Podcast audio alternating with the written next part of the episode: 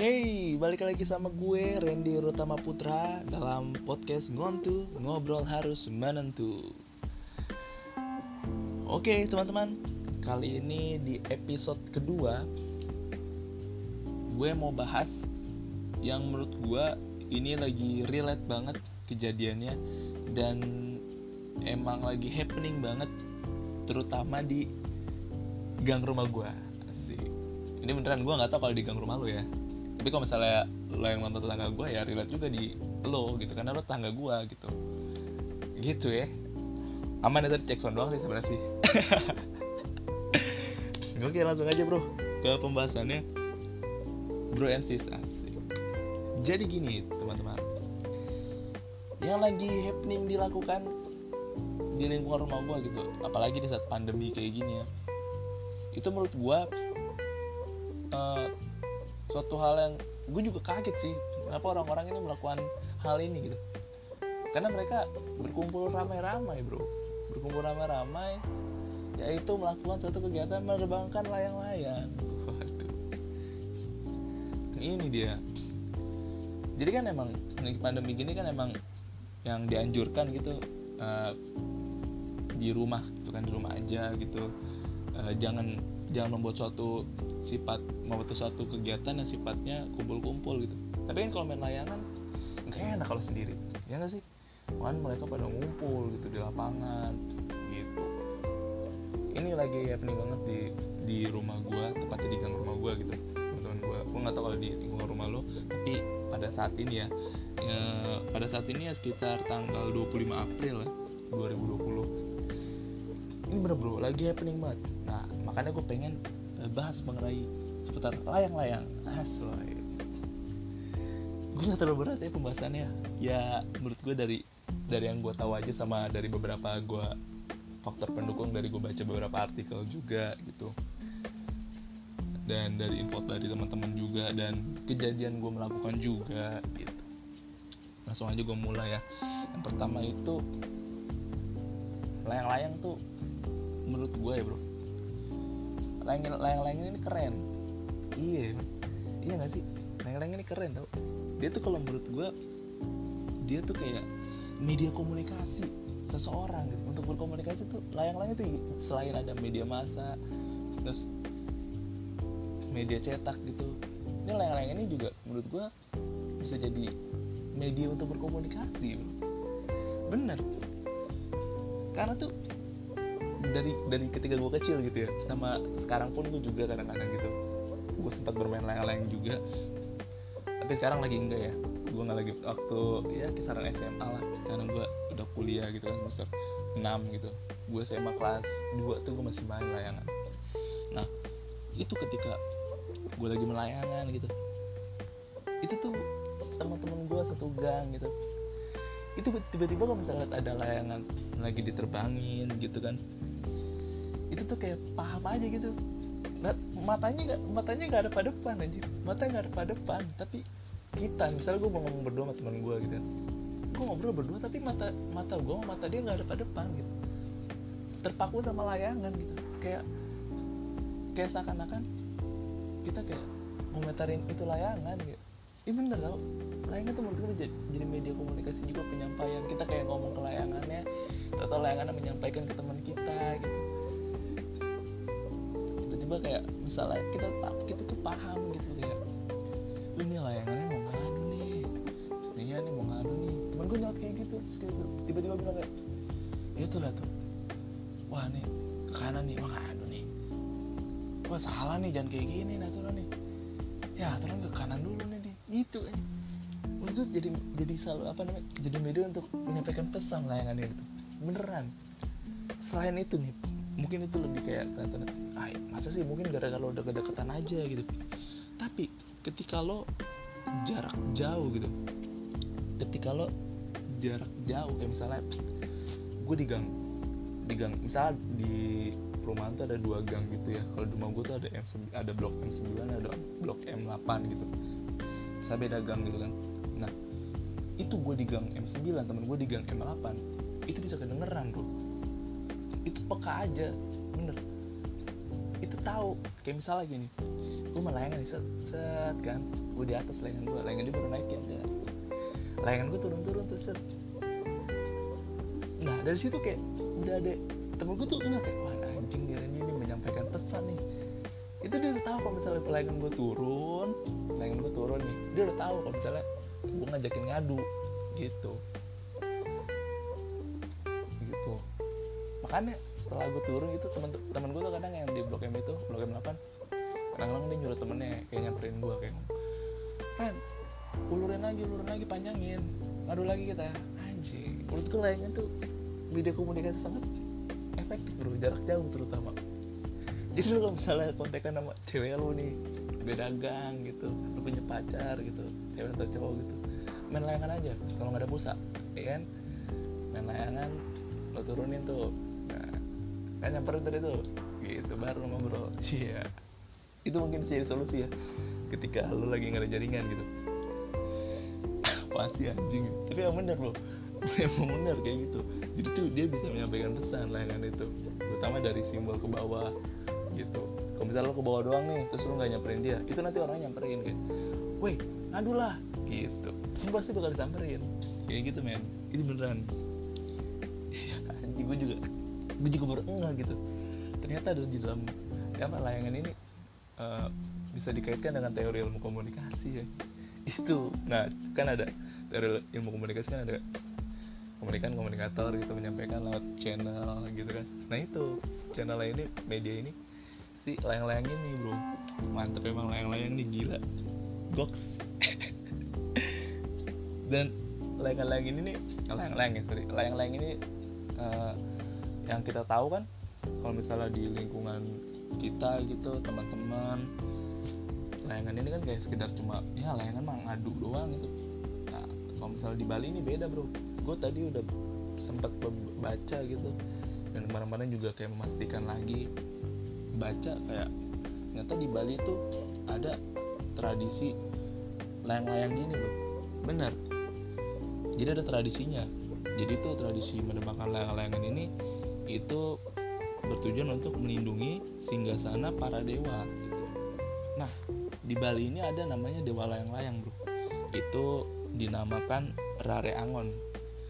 Nah, gue minta maaf kalau misalnya aksen gue salah ya karena gue juga baru tahu nih Rare Angon itu dewa Rare Angon itu dewa layang-layang itu sorry kalau misalnya aksen gue salah atau gimana dan ini juga memiliki aturan gak kayak sembarangan kita naikin layangan gitu. Nah layangan di sana tuh dianggapnya juga sakral bro. Benar. Dianggap juga sakral. Jadi diterbangin itu ketika hanya ter waktu tradisi aja. Dan nerbanginnya juga punya tata cara. Jadi sebelum nerbangin nih kita dikasih sesaji dulu. Sama kemudian disembah. Gitu. Lalu sesudah disembah dan diberikan sesaji layangan itu dianggap sudah suci dan layangan itu sudah sakral. Makanya ketika lo menerbangkan layangan tersebut itu nggak boleh nyentuh tanah lo gitu. Yang dikarenakan juga kalau lo layangan itu menyentuh tanah ketika diterbangkan itu ada kemungkinan akan terjadi suatu hal yang bersifat kemalangan. Itu. Makanya mungkin kalau dari sini gue pikir uh, mungkin kalau misalnya udah disembah gitu di, dikasih saji itu kayak dianggap udah suci bersih gitu kan. Kalau misalnya nyentuh tanah mungkin kotor lagi gitu. Alangkah baiknya jangan di tanah gitu juga mungkin ya. Itu juga salah satunya mungkin itu dari asumsi pribadi gue gitu. Itu di Bali seperti itu bro. Jadi nggak cuma sekedar lo nerbangin layangan gitu nggak. Ada tradisinya ternyata. Oke ya. Layangan tuh ya mantep bro. Terus ada lagi kalau setahu gue ya layangan itu kan macam-macam ya. Ada layangan aduan ya nggak sih? Ada layangan peteng gitu. Buat yang belum tahu layangan peteng ini kalau gue ya gue nganggupnya peteng tuh sama puang-puang ada tuh layangan puang-puang itu yang kalau bisa diterbangin itu dia bunyi. Itu bunyinya bunyi bunyi bambu ada jadi tuh di atasnya itu kasih bambu apa gitu alat alat gitu. Jadi kalau bisa dinaikin dia bunyi kena angin gitu. Ada teori fisikanya bro. Bener bro? Ya lah bener ini. Ada teori fisikanya. Jadi kalau misalnya dinaikin tuh dia bunyi. Bunyinya bunyi bambu kena angin gitu. Ada bunyinya. Nggak mungkin bunyi nada dering. Nggak. Dan nada HP nggak mungkin gitu. Nggak nggak bunyi nada dering ya. Tapi bunyinya itu. Nah itu kadang-kadang suka ada perlombaannya. Nah perlombaan itu dinilai dari segi cantik layangannya gitu. Dan kayak suara-suaranya itu ada penilaiannya dari situ gitu. Itu namanya layanan peteng sama kongkong tuh. Biasanya tuh layanan kayak gitu dinaikinnya itu nggak di perumahan tetapi di pantai karena dia butuh angin yang emang kenceng ya harus banyak angin gitu. Kayak gitu. Makanya kalau misalnya lu harus curigain juga nih atau enggak lu harus bisa apa namanya membuat keputusan juga nih keputusan pemikiran kalau misalnya lu ngeliat orang keluar gitu kayak bilang wah ke mana ini pak? Ini nih gerah nih nyari angin gitu. Nah itu ada kemungkinan selain dia gerah dia juga mandikan layangan tuh. Nah gitu. Itu dia. Benar main layangan tuh harus nyari angin bener. Mungkin orang-orang nggak bapak-bapak gitu kadang-kadang suka pakai kaos kutang putih doang gitu. Iya kayak gitu itu kadang-kadang suka nyari angin tuh. Itu main layangan kemungkinan. Bisa juga ya tapi nggak tahu deh. Itu kan ada layangan peteng kuang-kuang. Ada lagi layangan buntut. Kalau layangan buntut tuh layangan biasa bentuk bentuk layang-layang gitu. Itu dikasih buntut aja bawahnya. Biasanya tuh buntut itu koran. Koran dilem dilem dilem gitu. Kayak gitu aja. Terus apalagi ya dari layang-layang itu layang-layang itu juga pasti kan naikinnya pakai benang tuh. Yang sih? Nah benang ini benang layang-layang ini itu selain lo beli dia tuh ya sorry sorry. Benang layangan itu sama kayak lo beli sesuatu barang yang ini lo bro. Kayak emang lo harus benar-benar milih nggak bisa kayak sembarangan oh gue beli beli ini deh. Apa namanya uh, gimana ya sorry sorry. Misalnya beli beli air minum gitu. Kayak beli beli aqua beli fit gitu. Ya eh, gue beli beli air deh. Minum gitu. Ya udah gue minum deh gitu. tahu kalau fit aqua gitu ya kalau misalnya bentuknya air ya caranya diminum diminum gitu. Tapi kalau misalnya benang layangan ya bentuknya sama benang gitu. tapi cara cara cara mainnya tuh beda beda ya maksudnya gini cara mainnya tuh kayak ketika lo nerbangin gitu kita lo nerbangin layangan pakai benang itu dan lo mau ngadu. Itu ada uh, benang menurut fungsi lo cara ngadunya. Misalnya gini ada benang merek cap benang mereknya cap kobra ada benang mereknya cap semut gitu. Ada benang mereknya cap cangklong. Ya itu tuh itu ada banyak kan? Nah, kayak benang cap silet gitu itu emang dijajarnya benang termasuknya benang gelasan gitu kan. Ada benang gelasan dan benang kenur ya by the way. Jadi benang kenur itu yang halus. Ya kalau benang gelasan itu yang tajam. Bisa buat ngadu gitu. Nah benang gelasan ini kayak cap semut cap kobra emang nggak bisa dijual harganya sama gitu. Tapi cara pemakaiannya itu berbeda bro. Bener. Jadi gini kalau misalnya lo uh, memilih benang yaitu benang merek cap silet atau cap kobra gitu. Nah, itu fungsinya ketika lo main tarik tarikan nanti gue bakal bahas juga ya ada jadi ada tekniknya. Teknik ngadu tuh ada tekniknya. Nah, kalau misalnya cap kobra tuh biasanya lu buat main tarik tarikan tuh. Tarik tarikan kalau misalnya cap semut rada gelasan tapi dia rada halus rada tipis juga. Nggak tajam gitu itu buat main uluran. Anjay. Tahu gue itu beneran bro. Jadi lu kalau misalnya lu pakai cap silet gitu lu main uluran itu alangkah baiknya lu main tarik tarikan karena emang didesain untuk main tarik tarikan nah terus kalau misalnya emang lu pengen uluran nah lu pakai cap semut bisanya gitu. Itu kalau cap cangklong. Kayak gitu bro. Ini beneran saran aja dari teman-teman gue juga tuh ngobrol-ngobrol. Kan tadi gue bilang media komunikasi lah yang lain gitu. Jadi kita bisa ngobrol banyak gitu. Just a sharing. Anjay. Itu ya. Jadi macam-macam layangan tuh. Terus kalau misalnya lu main layangan tuh ada attitude juga. Bener. Layangan tuh ada attitude ya. Jadinya uh, kalau lo ngeliat layangan yang terbang gitu layangannya buntut nih ada buntutnya gitu koran nah itu lo nggak boleh adu tuh. Nggak boleh karena itu layang, menurutnya itu layangan hias. Padahal bentukannya layangan biasa tapi dikasih buntut doang dibuntut dikasih buntut doang gitu. Nah itu lo nggak boleh adu gitu. Gue pernah tuh ya kan? Main layangan gitu nih terus story ya bokap gue gitu. Itu ngeliat layangan gue masih bocah juga kan ya ada layangan kayak gitu layangan hias gitu pakai buntut gitu kan. Terus gue adu nih. Terus gue adu. Itu gue digoplak bro sama bokap gue nih. Sumpah gue digoplak gitu kan. Waduh digoplak gue itu kan. Gue kenapa? Iya nih soalnya nggak boleh layangan kayak gitu diadu.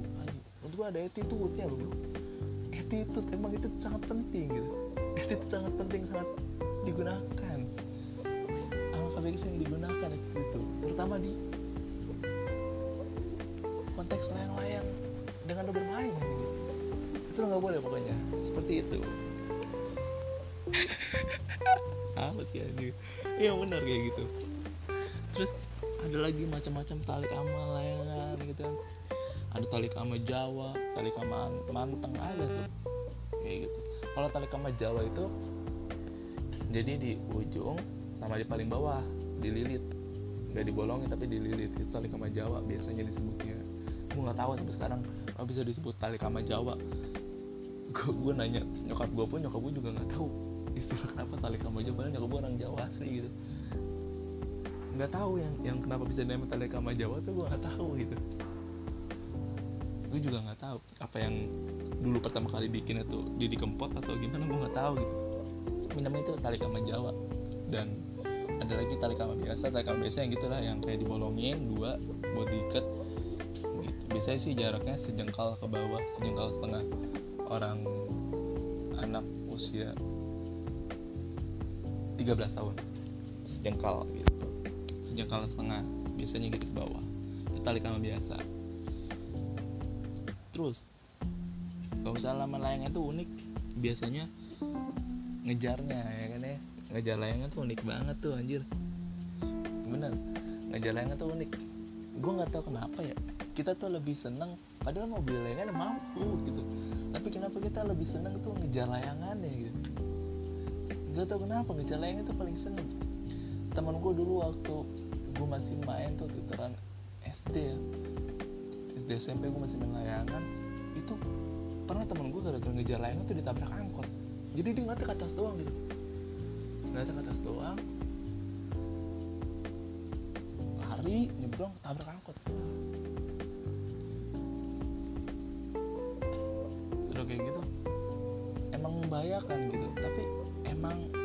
gak tau kenapa seneng banget gitu anak-anak bocah suka gitu dengan uh, ngejar layangan ini. Padahal beli beli layangannya mampu aja sumpah ya lo ngerasain lah gitu. itu lebih enak ya karena uh, suatu itu bisa bisa ribut berantem itu seru bro. Kamu orang tuh.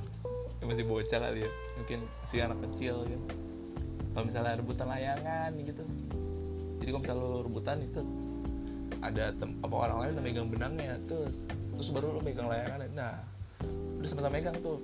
Nah udah kayak gitu impasnya apa? Impasnya layangan disobek nggak boleh dibawa pulang. Itu itu juga tuh kalau misalnya lo bawa pulang digebukin. Gitu. Jadi ketika lo ada lo ditangkap layangannya benangnya orang ada megang juga. Nah itu layangannya di disobek karena nggak adil nggak ada yang dapat gitu. Kalau nggak lo sweet. Gitu untuk mendapatkan layangan itu. Gila bro kalau makanya pemain layangan tuh menurut gue kerja keras banget bro. Beneran. Lihat aja tuh sampai sulit anjing dapetin layangan bro anjir aduh gokil tuh layangan tuh. Terus kalau misalnya ada istilahnya kalau misalnya layangan putus ada yang namain tembel ya kan? Tembel tembel tembel tembel gitu. ada lagi yang sering tewang tewang tewang tewang. Biasanya kalau misalnya ini sudah diplesetin gitu kan sama anak-anak bocah tewang tewang tete malu dewang apa wah anjing.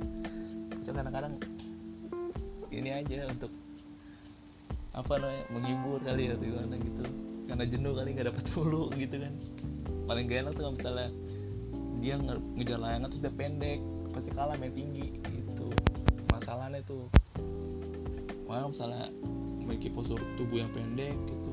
Ini bukan rasis atau gimana tapi kalau misalnya dari temen gue sering nangkep ngejar layangan gitu kalau misalnya pendek sering gak dapet. Gue nggak sering gak dapet. Ambil set terus loncat gak dapet. Yang dapet malah yang, yang tinggi. Itu. Jadinya. Terus apa lagi? Layangan tadi yang gue udah janjiin. Jadi tuh layangan tuh permainannya tuh kalau misalnya aduan ya itu udah tau gue ada tiga. Tau gue ya kalau misalnya uh, masih ada lagi mungkin bisa di apa di kelas tahu lagi gitu. Sorry juga kalau misalnya emang katanya ada yang beda atau gimana tapi gue dari pengalaman dan sharing aja. Jadi tuh kalau misalnya layangan itu ngadu ada sekitar ya empat empat lah. Empat cara empat cara buat ngadu kayak ada main tek tarikan tadi gue bilang. Tek tarikan tuh mainnya jadi misalnya benangnya lu udah kelilit banget dengan cara lo ngadunya siapa ya yang menang yang memutuskan untuk kemenangan dan dia putus itu ya dengan cara lo tarikin benangnya sekencang-kencang mungkin. Itu tarik tarikan. Musuhnya juga tarik tarik benangnya cepat lo juga tarik benangnya cepat itu tarik tarikan. Metodenya. Metodenya.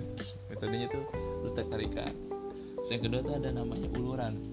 Ketika benang lo udah kelilit sama lawan lo itu lo main uluran. Uluran itu buat yang belum tahu ulur itu uh, manjangin layangan gitu biar biar jauh. Itu namanya ulur mana caranya uluran? Gitu. Nah biasanya kalau misalnya tarik tarikan itu dimainin sama anak-anak bocah tuh karena senang banget bocah mainnya tenaga kencang gitu kan. Jadi tarik tarikan gitu. Nah biasanya kalau tarik tarikan ini kalau lo menang di antara lawan lo putus sama lo dapat layangan lawan lo. Gitu. Jadi layangan lo udah benang udah kelilit ya kan? Siapa yang paling kencang itu cepet narik ben, apa narik benangnya. Nanti layangannya kan deketin ke lo tuh. Nah lo kadang-kadang suka dapat tuh layangan lawan lo tinggal lo putusin deh pakai tangan gitu. Main curang biasanya itu itu tarik tarik tarikan. Tapi gak enaknya kalau misalnya lo mundurnya nggak bener itu kadang-kadang benang injek jadinya kusut. Kayak hidup lo. Nggak apa sorpan ya. Nggak itu bener. Kusut. Makanya ada caranya sendiri buat narik gitu. Kalau uluran biasanya tuh dimainin sama bapak tuh.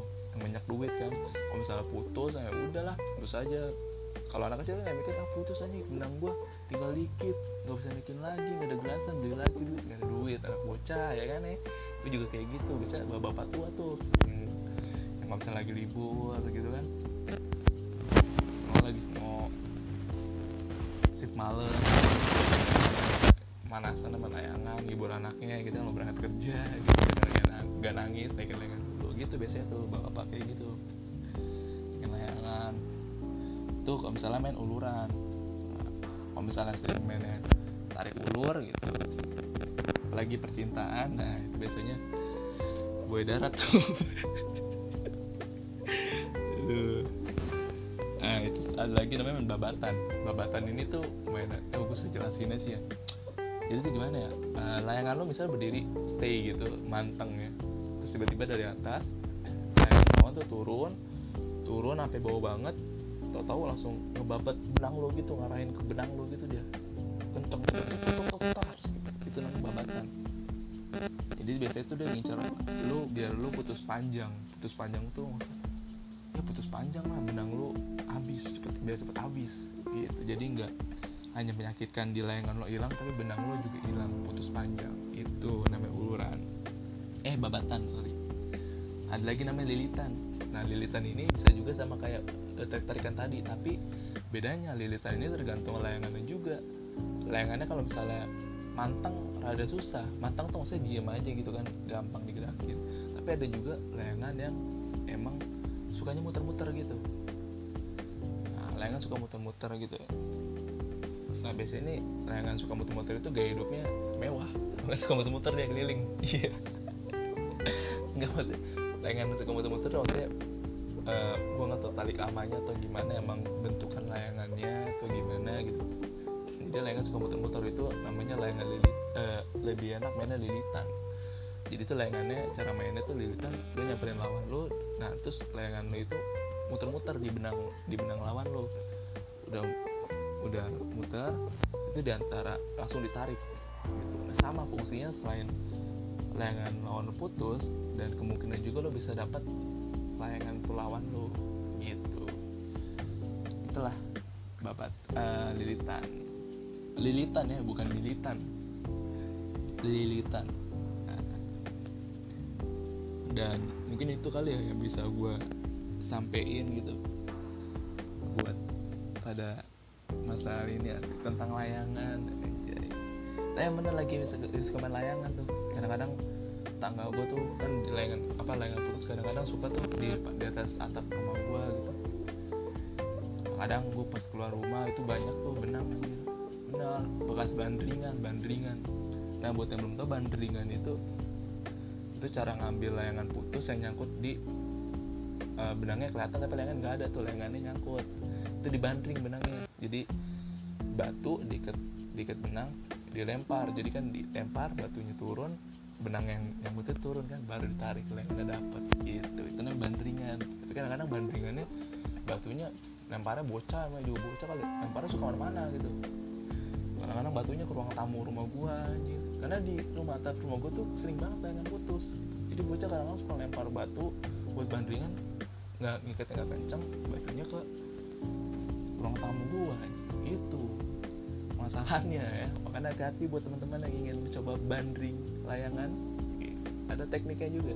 Asik. Dan mungkin itu aja yang bisa gue sampein gitu. Kalau misalnya soal dia ada kata-kata gitu sorry gue minta maaf banget kalau misalnya salah-salah kata. Dan eh, mungkin cukup aja sekitar layangan yang gue tahu. Dan ya sampai berjumpa episode selanjutnya di ngontu ngobrol harus menentu. Sampai jumpa Works Jai Mania. Bye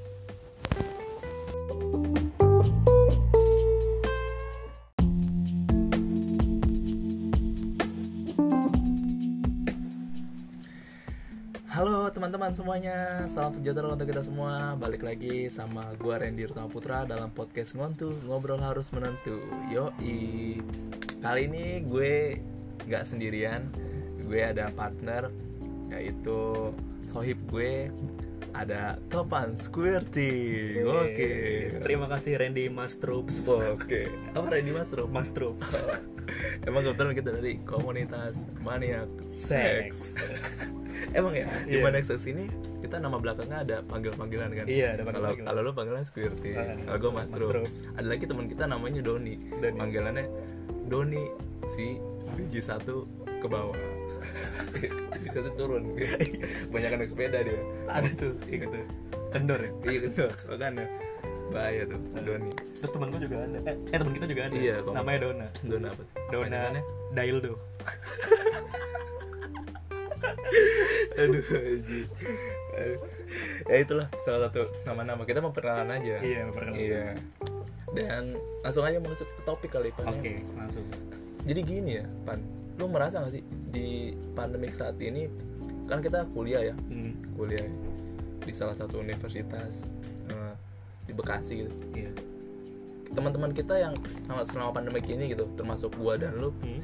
kayak merasa sebenarnya bukan libur ya ya? Hmm. tapi kayak kuliahnya lewat daring Online. bukan ya bukan secara pertemuan secara tatap langsung Hmm. nah dari hal ini menimbulkan teman-teman kita juga kita berpikir kayak aduh bosan banget di rumah lu merasa gitu gak sih Gue juga merasakan gitu juga sih Ren. nah itu menimbulkan somai somai ini nggak apa Gak apa. somai nih terus udah kayak gitu pan eh, dari hal itu anak-anak terutama kita gitu berpikir kayak gimana ngisi kegiatan gitu di masa pandemik gini gitu Mm-mm. lu ngerasa kayak bosen gitu gak sih Banget sih. Terasa banget ya. Soalnya kan kita kan nggak beraktivitas banget gak sih? Soalnya Iya. kan di online tuh lewat aplikasi, lewat aplikasi, lewat handphone kita Ya, juga bisa, aplikasi juga lewat bisa. smartphone bisa. Jadi kayak ya ini mah kalau dilakukan di tempat kerja ya sabi-sabi aja ya gak sih iya lu lu lu lu, lu juga ngerasain kayak gitu iya gue kayak gitu bahkan juga gue ngeliat teman-teman gue kan kalau gue emang gue ada kegiatan gitu pan Hmm. jadinya gue nggak kayak merasa mau ada pandemi apa enggak ya gue ada kegiatan selain Ah. dari kuliah gitu dan gue ngeliat respon kenapa gue bisa bilang kayak gini sampai pengen bikin podcast mengenai hal ini karena teman-teman gue pun yang yang ini pan apa eh, bu- apa namanya contohnya dan fakta-faktanya gini maksudnya jadi ketika lagi ngobrol di grup ya ada yang punya gawean kan nih? Selama pandemi gue ngapa-ngapain nih. Bingung daripada cuma kuliah-kuliah doang gue pengen deh kayak kerja gitu. Temen lo ada yang kayak gitu gak sih? Ada Ya kan? banyak. Iya gak sih? Banyak yang nyari part time iya kan nah part time ah. Karena kalau misalkan kerja-kerja kayak biasa gitu kan ya orang-orang yang udah kerja duluan juga dirumahkan kan? Iya. Pas zaman ini pas eh pas pada masa ini pas pan- masa pandemi ini juga banyak banget yang nyari part time juga. Nah itu. Ah, ah. Apalagi sekarang kan udah mulai new normal kan Pan? iya Nah itu juga apa namanya ada perusahaan-perusahaan tertentu gitu, ada kayak tempat kerja tertentu yang udah membuka lowongan lagi tuh. Ah, ah. Iya teman gue pun kayak ngoling kayak ada ada kerjaan kan, ada kerjaan kan, ada kerjaan kan gitu. Jadi tuh emang dari pandemi ini membuat anak-anak yang ini kegiatan salah satu dengan bekerja. Mm-mm. Kayak Padahal gitu. juga kan kerjaan banyak ya Iya apa tuh? Seperti rame-rame sama masyarakat kerja bakti Ya iya itu. lalu pada zaman penjajahan kerja paksa Weh bro, bukan bukan. seperti itu bro. Oh, bukan kerja dong. ini ya? Bukan. Jadi emang apa namanya di sini anak-anak pengen kayak ngeliatnya teman-teman lah kita kita juga Ah. pengen kerja yang ada feedback berupa material. iya karena kan emang ngerasa kayak gini-gini tuh gabut ya di rumah gitu Iya. ya. Selain itu juga faktor pendukung kalau menurut gue ini pan dari pengen mengisi kegiatan Mm-mm. yang paling utama itu membantu perekonomian keluarga iya bener banget ya kan oh. karena emang dari yang pertama anak-anak kuliah juga kuliah biayanya tetap apa namanya normal Mm-mm. potongan cuma beberapa persen gitu Mm-mm. dan beberapa teman-teman kita termasuk gue dan lu gitu Mm. kayak ada masih merasa keberatan dengan Iya. hal ini ya kan Ah. apalagi yang eh, profesinya sebagai wira swasta yang pekerjaannya Iya, per bulan nggak pasti Nah, namanya gitu ah, kan Jadi kayak kita ngerasa tuh kayak terpanggil gitu gak sih untuk ngebantu ekonomi kita juga untuk bayaran untuk kuliah. iya Ah, ah. jadi kita kayak mikir ah, gue kerja aja kali ya biar bisa bantu orang tua nih Hmm. karena lagi kayak gini orang tua kita juga nggak ada duit banyak Nah, itu. nah Cuma tuh kita kayaknya harus apa milih-milih gak sih Ren? Kerjaan misalkan nih kita nanti kontrak eh, misalkan 6 bulan. iya Kita kontrak 6 bulan tiba-tiba masa new normal selesai Mm. karena kasus covid hilang tiba-tiba kita masuk kuliah. Nah, itu di situ rancu Iya. terjebak. bener itu juga yang emang harus diperhatikan Mm-mm. makanya eh, ba- kebanyakan yang mencari kerjanya itu part time Nah, ya iya. kayak sebulan Ah. seperti itu kan Eh, tapi teman kita ada kan yang ngelamar di PT juga. ada temen juga ada itu Ah. juga. temen lu juga ada Ada, ada. Ada ngelamar di PT. Terus dia nanyain tuh ke gue apa tuh cara interview gimana sih gitu. Ya Allah. Tapi dia interview dia? Belum belum interview belum Oh, belum. dipanggil. Cuman dia nanyain dulu. Ya, udah pede banget ya. Bagus bro. Jadi Bagus emang harus optimis bro. Iya bener banget. Bener kan? Itu salah satu hal yang harus kita miliki ya optimis. Betul. Dan lu gimana temen lu? Iya temen gue nanya ke gue Ren bikin SKCK di mana? Gitu ya kan? Bener sih bener. Iya. ya udah lu datang aja ke polsek nah. gitu kan? Polsek mana Ren? Gitu gue tanya rumah lu di mana emangnya? Gitu. Rumah gue di kota Bekasi. Ya udah polsek Bekasi, Bekasi. Kota, Kota. gitu kan. Ah, oh gitu ya Ren ya? Ya udah deh Ren. Gitu. Selesai. Ya. udah lu lu pengen ngarep nggak lucu lu? Enggak Ya dong bro. maksud gue ya dia kenapa bingung anjir kan? Dia di kota Bekasi. Ya polisi Bekasi kota anjir. Enggak namanya Oh, iya, dia baru pertama kali. Nanya, iya. Oh pertama kali. Malu bertanya sesat di di Gidau di Itu Oh, jokes oh, jokes lucu banget ya? Anjing itu jokes ini banget anjing. Di Gidau di Gimuan di Jitau iya, di Salatit iya. Ampun. di Injak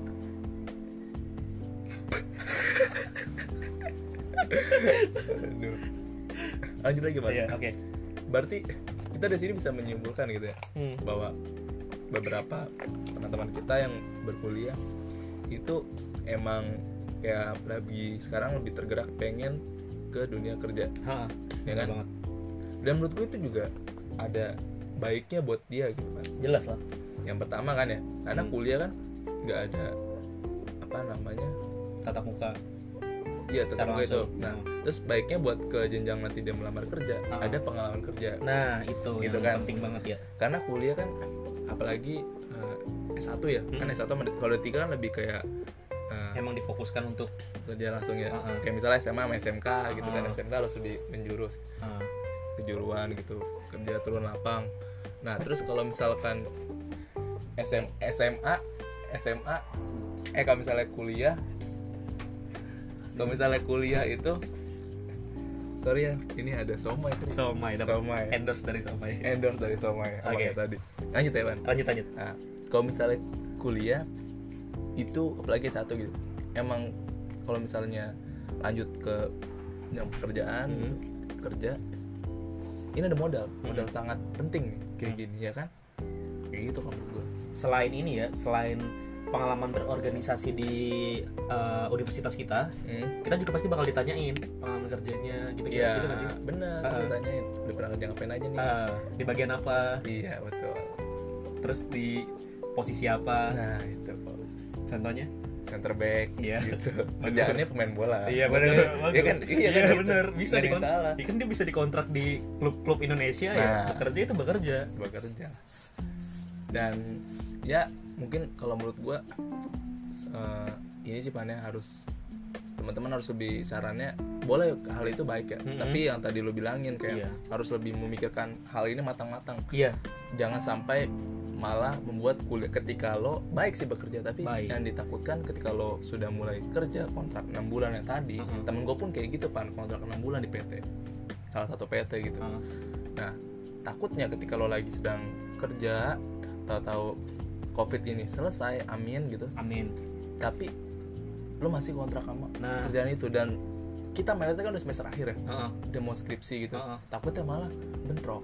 Apalagi basicnya kita kelas pagi, Iya. kelas normal reguler, ya kan? Itu jadi bentrok malah bikin kacau kuliah. iya mau nggak mau ya lu pindah ke kelas meeting Waduh, kelas meeting ya lu pindah ke kelas karyawan kalau enggak lu nunggu dulu kontrak lu selesai lu cuti dulu baru lu masuk lagi kan itu menghambat ya Iya, itu sih saran kita deh. Heeh. Dan buat teman-teman juga yang penting semangat terus ya pan ya. iya semangat terus Jangan berkecil hati. Heeh.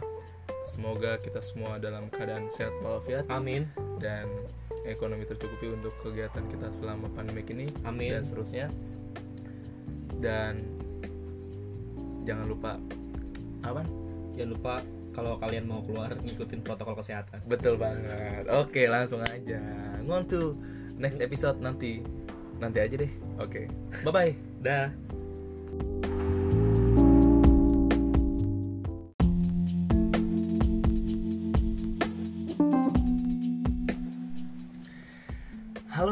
teman-teman semuanya, salam sejahtera untuk kita semua. Balik lagi sama gua Randy Rutama Putra dalam podcast Ngontu Ngobrol Harus Menentu. Yoi.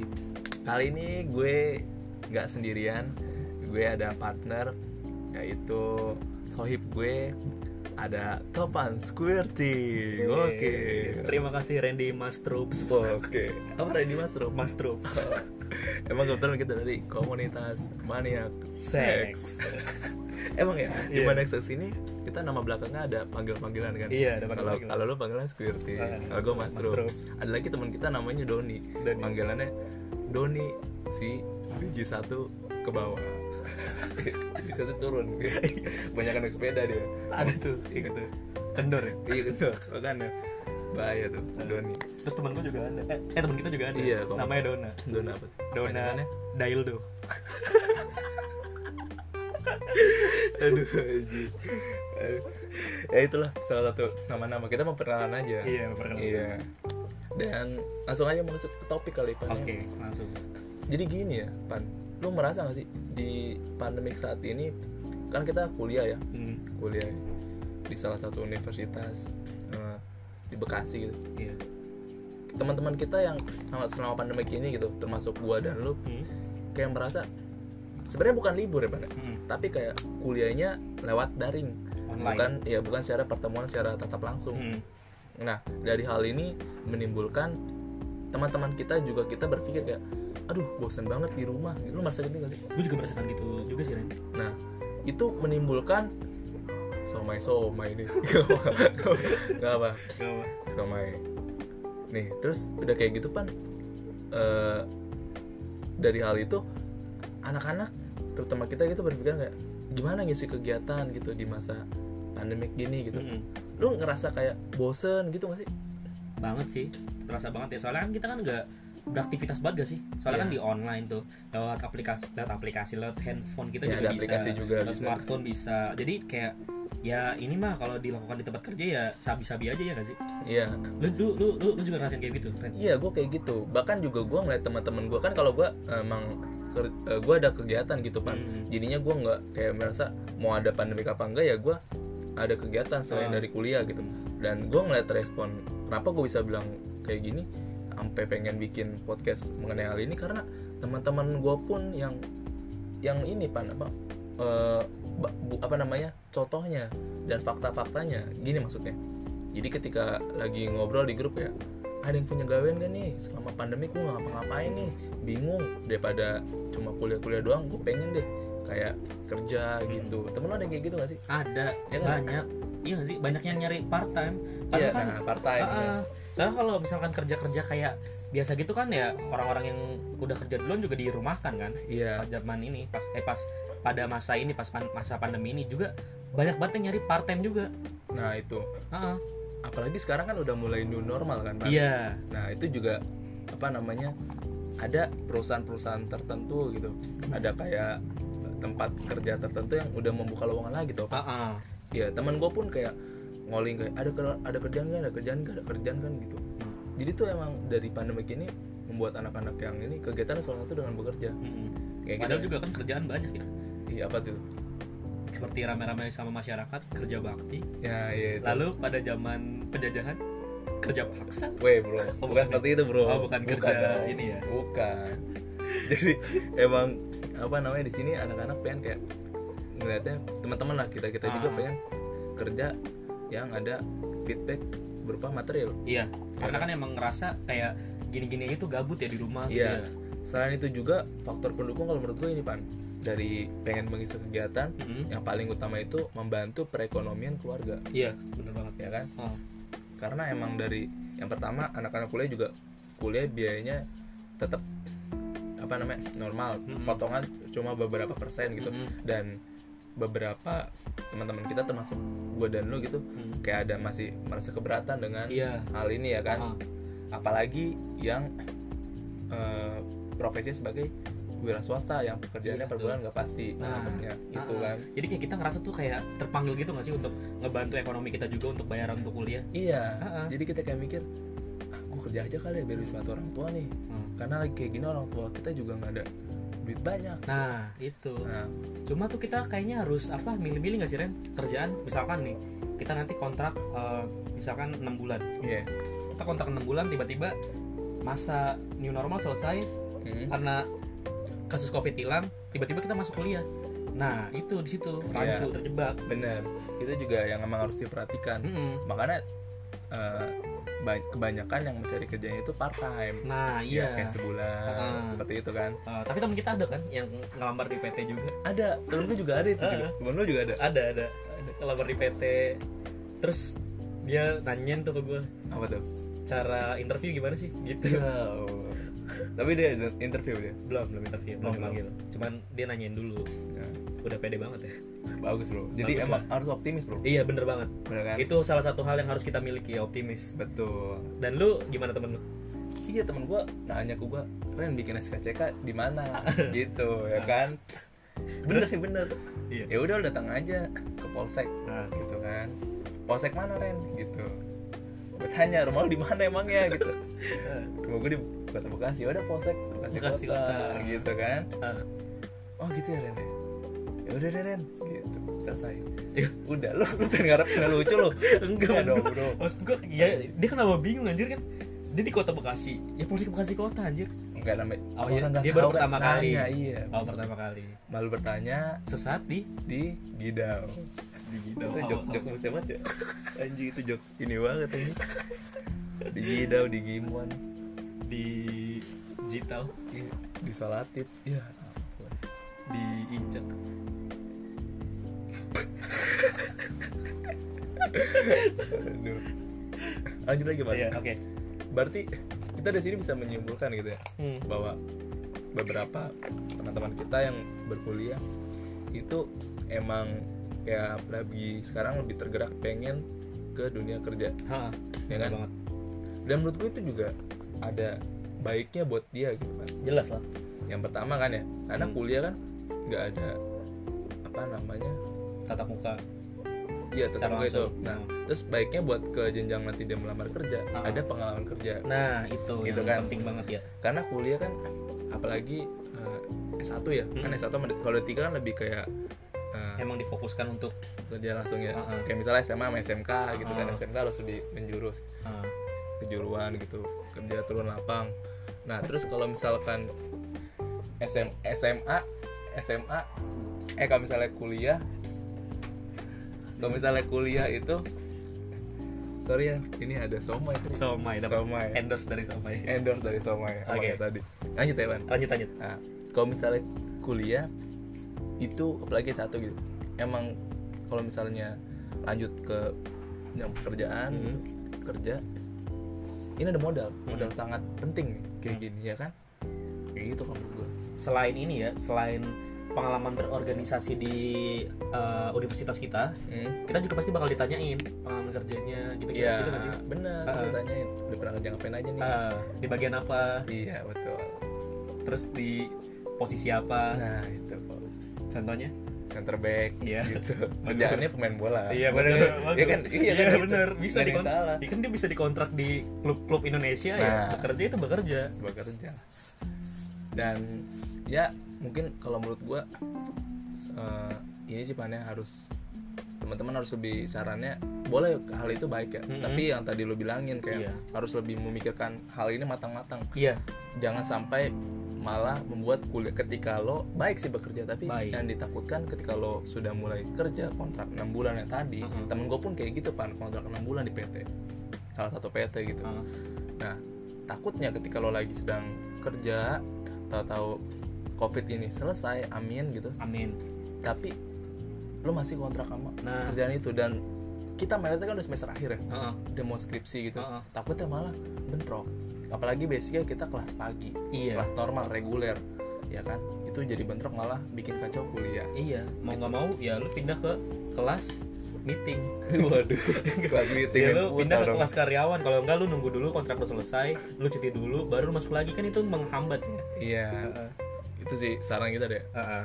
dan buat teman-teman juga yang penting semangat terus ya pan ya. Iya semangat terus. jangan berkecil hati. Heeh. semoga kita semua dalam keadaan sehat walafiat. Amin. dan ekonomi tercukupi untuk kegiatan kita selama pandemi ini. Amin. dan seterusnya.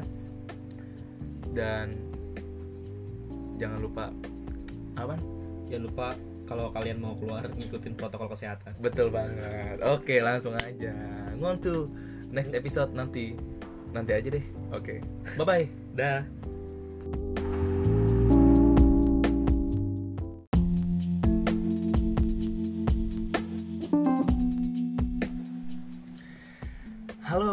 Teman-teman semuanya, salam sejahtera untuk kita semua. Balik lagi sama gua Randy Rutama Putra dalam podcast Ngontu Ngobrol Harus Menentu.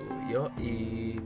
Kali ini gue nggak sendirian, gue ada partner yaitu sohib gue ada Topan Squirty. Oke. Terima kasih Randy Mas Troops. Oke. Apa Randy Mas Rob? Mas Troops. Emang kebetulan kita dari komunitas maniak seks. Emang ya, di Iya. seks ini kita nama belakangnya ada panggil-panggilan kan? Iya, ada Kalau panggilan-panggilan. kalau lu panggilan Squirty, Ah, kalau gue Mas. Ada lagi teman kita namanya Doni. Doni. Panggilannya Doni si biji satu ke bawah. biji satu turun. Banyak naik sepeda dia. Ada tuh, ingat tuh. Kendor ya. Iya betul, makanya bahaya tuh Doni. Terus temen gue juga ada. Eh, eh temen kita juga ada. Iya. Namanya Dona. Dona apa? Dona? Daildo. Aduh. Aduh.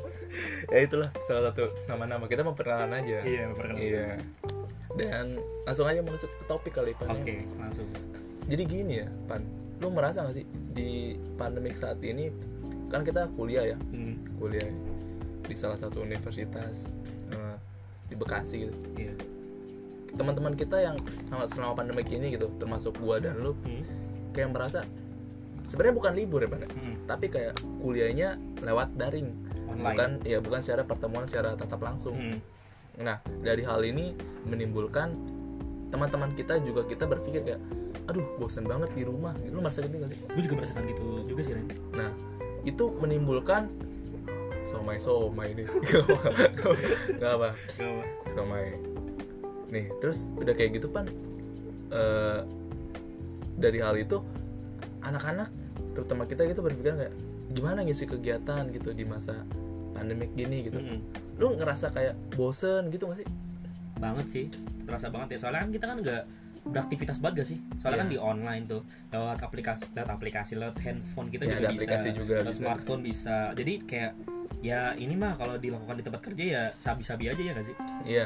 Lu lu lu lu, lu juga ngerasain kayak gitu iya gue kayak gitu. Bahkan juga gue ngeliat teman-teman gue kan kalau gue emang gue ada kegiatan gitu pan Hmm. jadinya gue nggak kayak merasa mau ada pandemik apa enggak ya gue ada kegiatan selain Ah. dari kuliah gitu dan gue ngeliat respon kenapa gue bisa bilang kayak gini sampai pengen bikin podcast mengenai hal ini karena teman-teman gue pun yang yang ini pan apa eh, bu- apa namanya contohnya dan fakta-faktanya gini maksudnya jadi ketika lagi ngobrol di grup ya ada yang punya gawean gak nih? Selama pandemi gue ngapa-ngapain nih.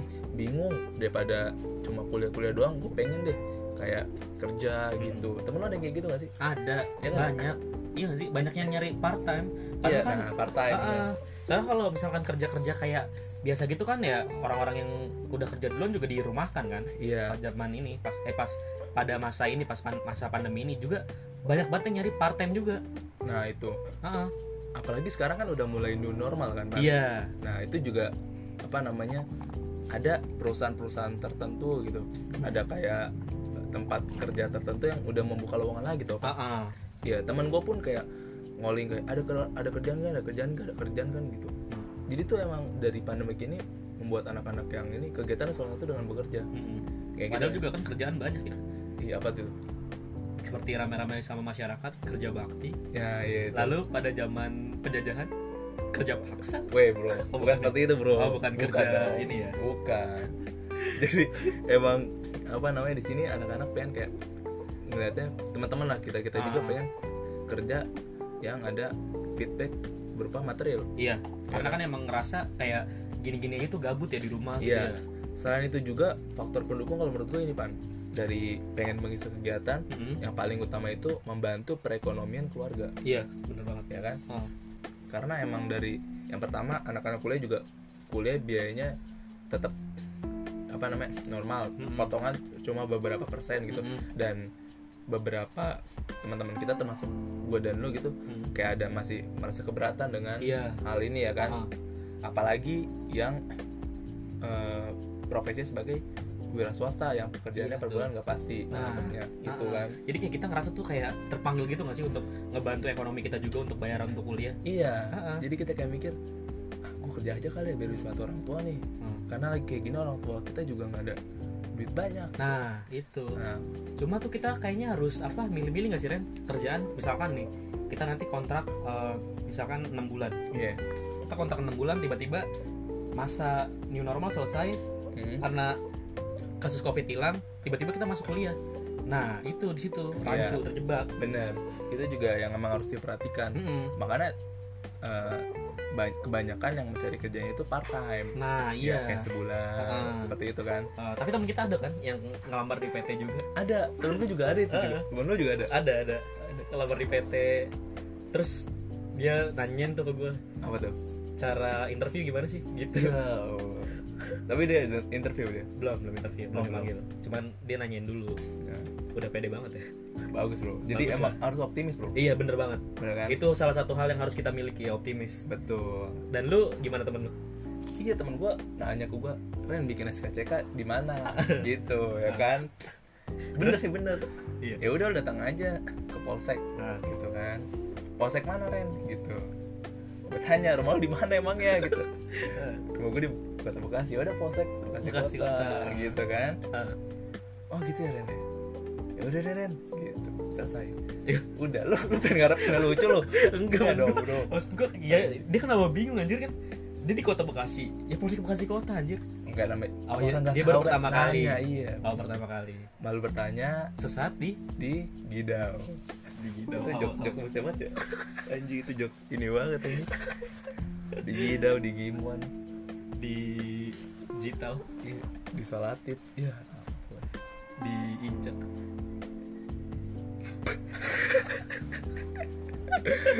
Aduh. lanjut lagi pak. Iya oke. Berarti kita dari sini bisa menyimpulkan gitu ya Hmm. bahwa beberapa teman-teman kita yang berkuliah itu emang kayak lagi sekarang lebih tergerak pengen ke dunia kerja. Ha ya kan? banget. Dan menurut gue itu juga ada baiknya buat dia gitu kan jelas lah yang pertama kan ya karena Hmm. kuliah kan nggak ada apa namanya tatap muka iya tetap Secara itu nah Hmm. terus baiknya buat ke jenjang nanti dia melamar kerja Ah. ada pengalaman kerja nah itu Gitu yang kan. penting banget ya karena kuliah kan apalagi eh, S1 ya kan Hmm. S1 sama D- kalau D3 kan lebih kayak eh, emang difokuskan untuk kerja langsung ya Ah, ah. kayak misalnya SMA sama SMK gitu kan. SMK harus lebih menjurus uh, kejuruan gitu kerja turun lapang. Nah terus kalau misalkan SM, SMA SMA eh kalau misalnya kuliah kalau misalnya kuliah itu sorry ya ini ada somai somai dapat Somai. endorse dari somai. Endorse dari somai Oke. abangnya tadi. Lanjut ya Ban lanjut lanjut. Nah, kalau misalnya kuliah itu apalagi satu gitu. Emang kalau misalnya lanjut ke yang pekerjaan gitu, kerja ini ada modal, modal sangat penting nih kayak Mhm. gini ya kan? Kayak gitu kalau gua. selain ini ya selain pengalaman berorganisasi di uh, universitas kita Hmm. kita juga pasti bakal ditanyain pengalaman kerjanya gitu gitu, Iya, gitu nggak sih bener. Ah. Ditanyain, udah pernah kerja ngapain aja nih? Uh, di bagian apa Iya betul. terus di posisi apa Nah itu contohnya center back Iya. gitu. Kerjaannya pemain bola. iya benar Iya kan? Iya, kan gitu. benar bisa Nggak ada yang dikon- salah. Iya kan dia bisa dikontrak di klub-klub Indonesia ya Nah. bekerja itu bekerja bekerja dan ya mungkin kalau menurut gua eh, ini sih pannya harus teman-teman harus lebih sarannya boleh hal itu baik ya Mm-mm. tapi yang tadi lo bilangin kayak Iya. harus lebih memikirkan hal ini matang-matang iya jangan sampai malah membuat kuliah ketika lo baik sih bekerja tapi Baik. yang ditakutkan ketika lo sudah mulai kerja kontrak 6 bulan yang tadi Mm-mm. temen gue pun kayak gitu pan kontrak 6 bulan di PT salah satu PT gitu Uh, Nah, takutnya ketika lo lagi sedang kerja, tahu-tahu COVID ini selesai, amin gitu. amin Tapi lo masih kontrak sama Nah. kerjaan itu dan kita melihatnya kan udah semester akhir ya, Heeh. udah mau skripsi gitu. Heeh. Takutnya malah bentrok. Apalagi basicnya kita kelas pagi, Iya. kelas normal reguler, ya kan? Itu jadi bentrok malah bikin kacau kuliah. iya mau nggak mau ya lu pindah ke kelas meeting Waduh, kelas meeting ya lu pindah ke kelas karyawan kalau enggak lu nunggu dulu kontrak lu selesai lu cuti dulu baru lu masuk lagi kan itu menghambat ya Iya, itu sih saran kita deh. Heeh. Dan buat teman-teman juga yang penting semangat terus ya pan ya. iya semangat terus Jangan berkecil hati. Heeh. Semoga kita semua dalam keadaan sehat walafiat amin dan ekonomi tercukupi untuk kegiatan kita selama pandemi ini Amin. dan seterusnya.